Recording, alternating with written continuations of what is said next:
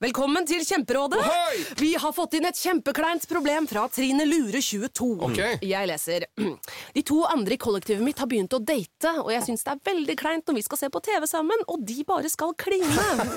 Ok, ja, Yes. Hvordan skal hun løse dette? Siden Trine Lura er under 30, får hun jo ubegrenset data fra Telenor fra 399 kroner. Da Da kan hun sette seg på sitt eget rom, streame så mye hun vil på mobilen. ja, hun kan jo se på nye mobilabonnement på telenor.no. Ja, det er lurt.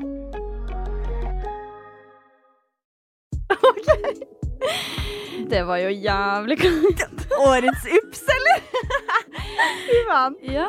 Vi lova dere jo et eh, shitshow. Eh, Noe det ble.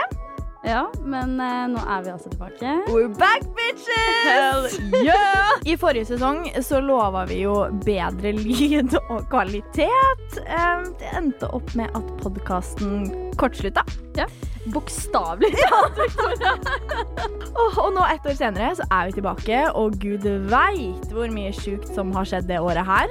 Ja, både på godt og vondt. Og altså, herregud, så klare vi er for å sette oss ned i studio, dele alt med dere som har skjedd i det tidligere året, men også alt vi ikke fikk fortalt i sesong én. Åh ja, altså våre kleineste, sjukeste og drøyeste historier. Det kan vi love dere. Mm, 7. mai så smeller det, og da kommer det to episoder, og etter det hver eneste fredag.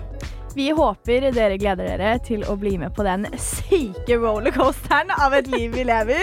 Disse samtalene, historien og følelsene, det er ting dere virkelig ikke vil gå glipp av. Absolutt ikke. Så stay tuned, fordi Oops, we did it again!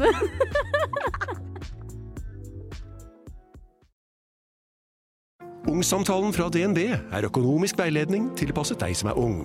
Bokk en ungsamtale på dnb.no. slash ung. Ok, det var jo en syk døll måte å forklare ungsamtalen på, da. Hæ? En smart prat om penga mine, ville jeg ha sagt. Ikke sånn kjedelig økonomisprat, skjønner du.